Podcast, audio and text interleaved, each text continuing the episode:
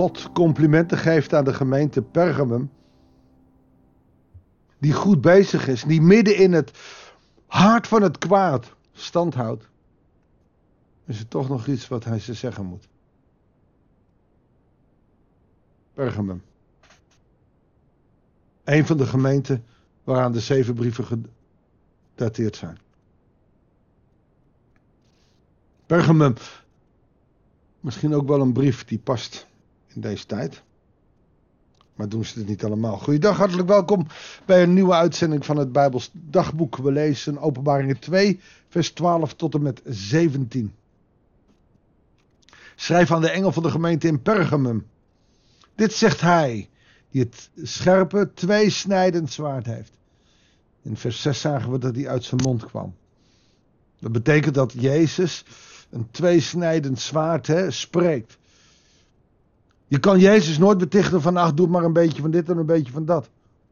Nee, hij zal rijken niet naar de mond spreken. Hij zal armen niet naar de mond spreken. God is een God die recht spreekt. En die niet denkt van, nou, een beetje van dit. En een beetje van dat. En een beetje zus en een beetje zo. Hij is geen God van compromissen. Wij moeten zijn wil zoeken. Hij moet niet zijn wil aan ons aanpassen. Wij kunnen God niet in ons zak steken. Een tweezwijdend snaart is, is, is dat het aan alle kanten snijdt. Niet alleen maar voor de vijanden, maar ook voor ons. Als God de vijanden snoeit, zal het ons ook raken. Daarom moeten we ook altijd eerst naar onszelf kijken voordat we oordeel over anderen hebben. Een tweesnijdend zwaard is niet een eenvoudig zwaard. Maar wel een eerlijk en rechtvaardig zwaard. Ik weet waar u woont. Ik weet waar je woont, man. Namelijk waar Satans troon staat. Hij geeft dus de erkenning van: ik weet dat je midden in de plek woont waar Satan heerst. Pergamum, een, een centrum van wetenschap. Een, een belangrijke stad in die tijd. Waar gehuild werd met de Romeinse leer. Waar de Romeinen werden gevierd, waar al voor Christus Romeinse tempels waren. Dat dat altijd doorgegaan is. U bent mijn naam trouw gebleven en hebt uw geloof in mij niet verlogend. Ook niet tot Antipas, mijn betrouwbare getuige, werd gedood in uw stad, waar ook Satan woont.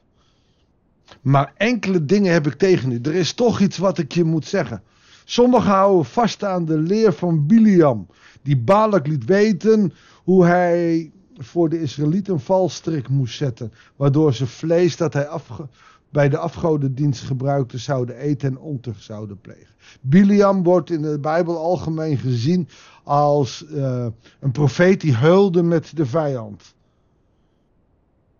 Het was een profeet, maar die voor anderen zich liet werken.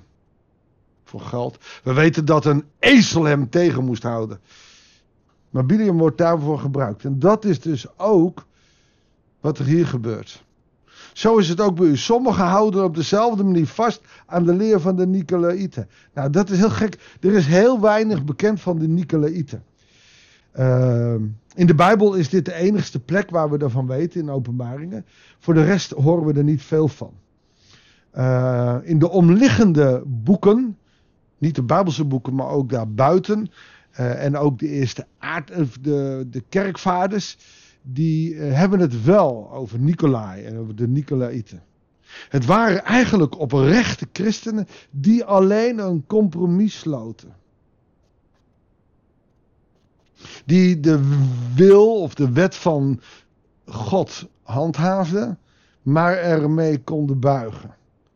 En zo dus met het evangelie als het ware als goedkeuring mm, aan prostitutie deden. Want ja, we moeten toch ook, en wij willen toch ook wel wat, en wij kunnen toch, het moet toch kunnen. Eigenlijk is het, moet toch kunnen, de leer van de Nicolaïten.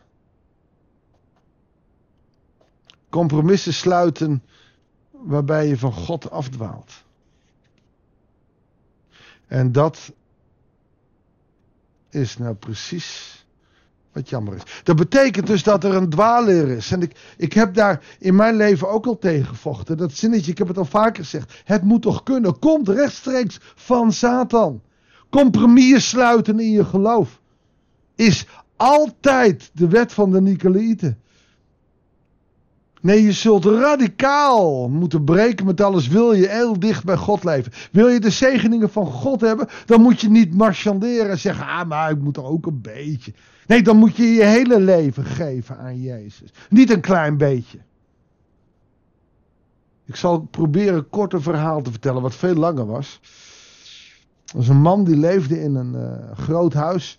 En hij wilde zijn leven aan Jezus geven. En Jezus klopt aan de deur. En hij zegt: Ik heb nog wel een kamertje voor u. En stopte Jezus in een van de mooie slaapkamers. En deed de deur dicht. En de duivel stond voor de deur en deed open en sloeg hem in elkaar. En hij ging naar Jezus toe en zei: Dan heb ik je in mijn huis genomen. En je doet niks. En de duivel komt en hij slaat me in elkaar. Hij neemt me te grazen.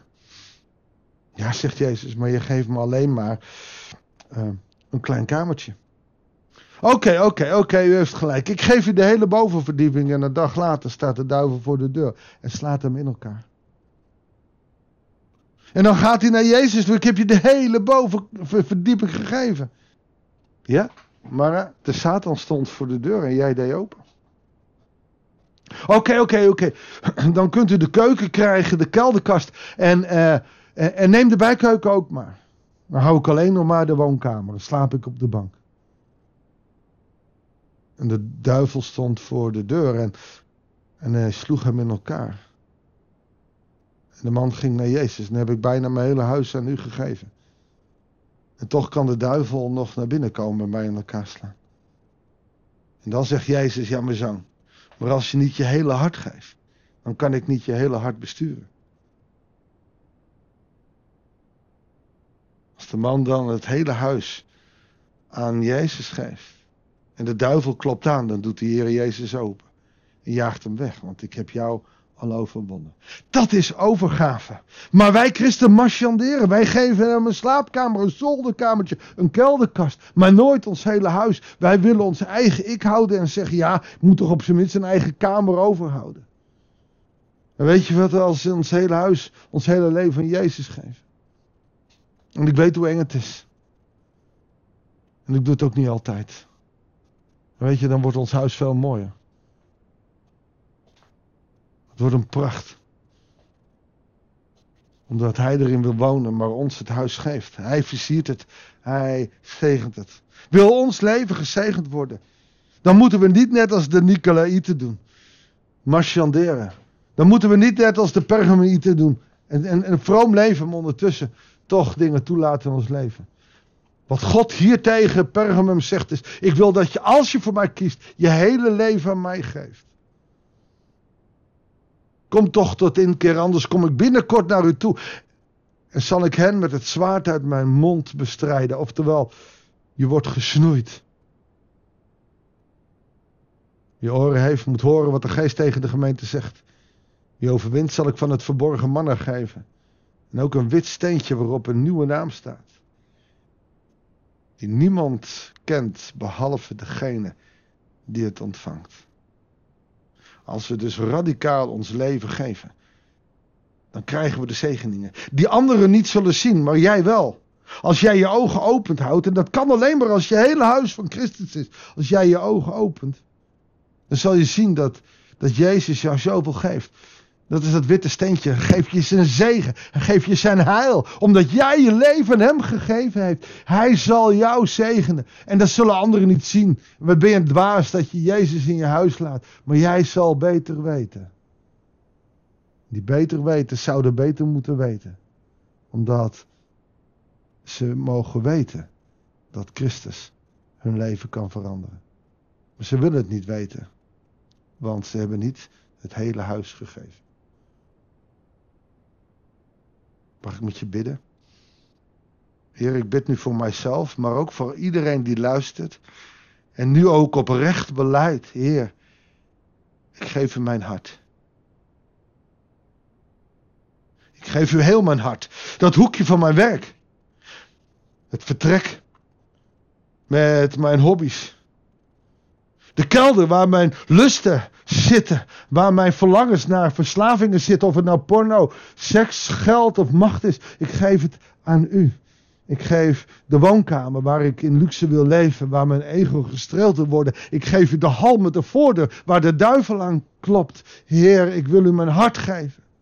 Maar alstublieft, kom met uw geest en help me. Want het is zo moeilijk om elke keer weer ons leven totaal aan u over te geven. Maar we willen het, Heere God, want we weten dat we in uw overwinning mogen staan. Heer, we willen zo graag dat steentje ontvangen met onze naam. Waarvan wij weten wat het betekent. Wij willen uw zegening ontvangen. Ook als de wereld het niet ziet. Heer, help ons. In Jezus' naam. Amen. Diep hè, die boeken. Die brieven aan de gemeentes. Neem het mee, deze nieuwe dag in. En ga met de zegen van God. En heel graag tot de volgende uitzending van het Bijbelsdagboek.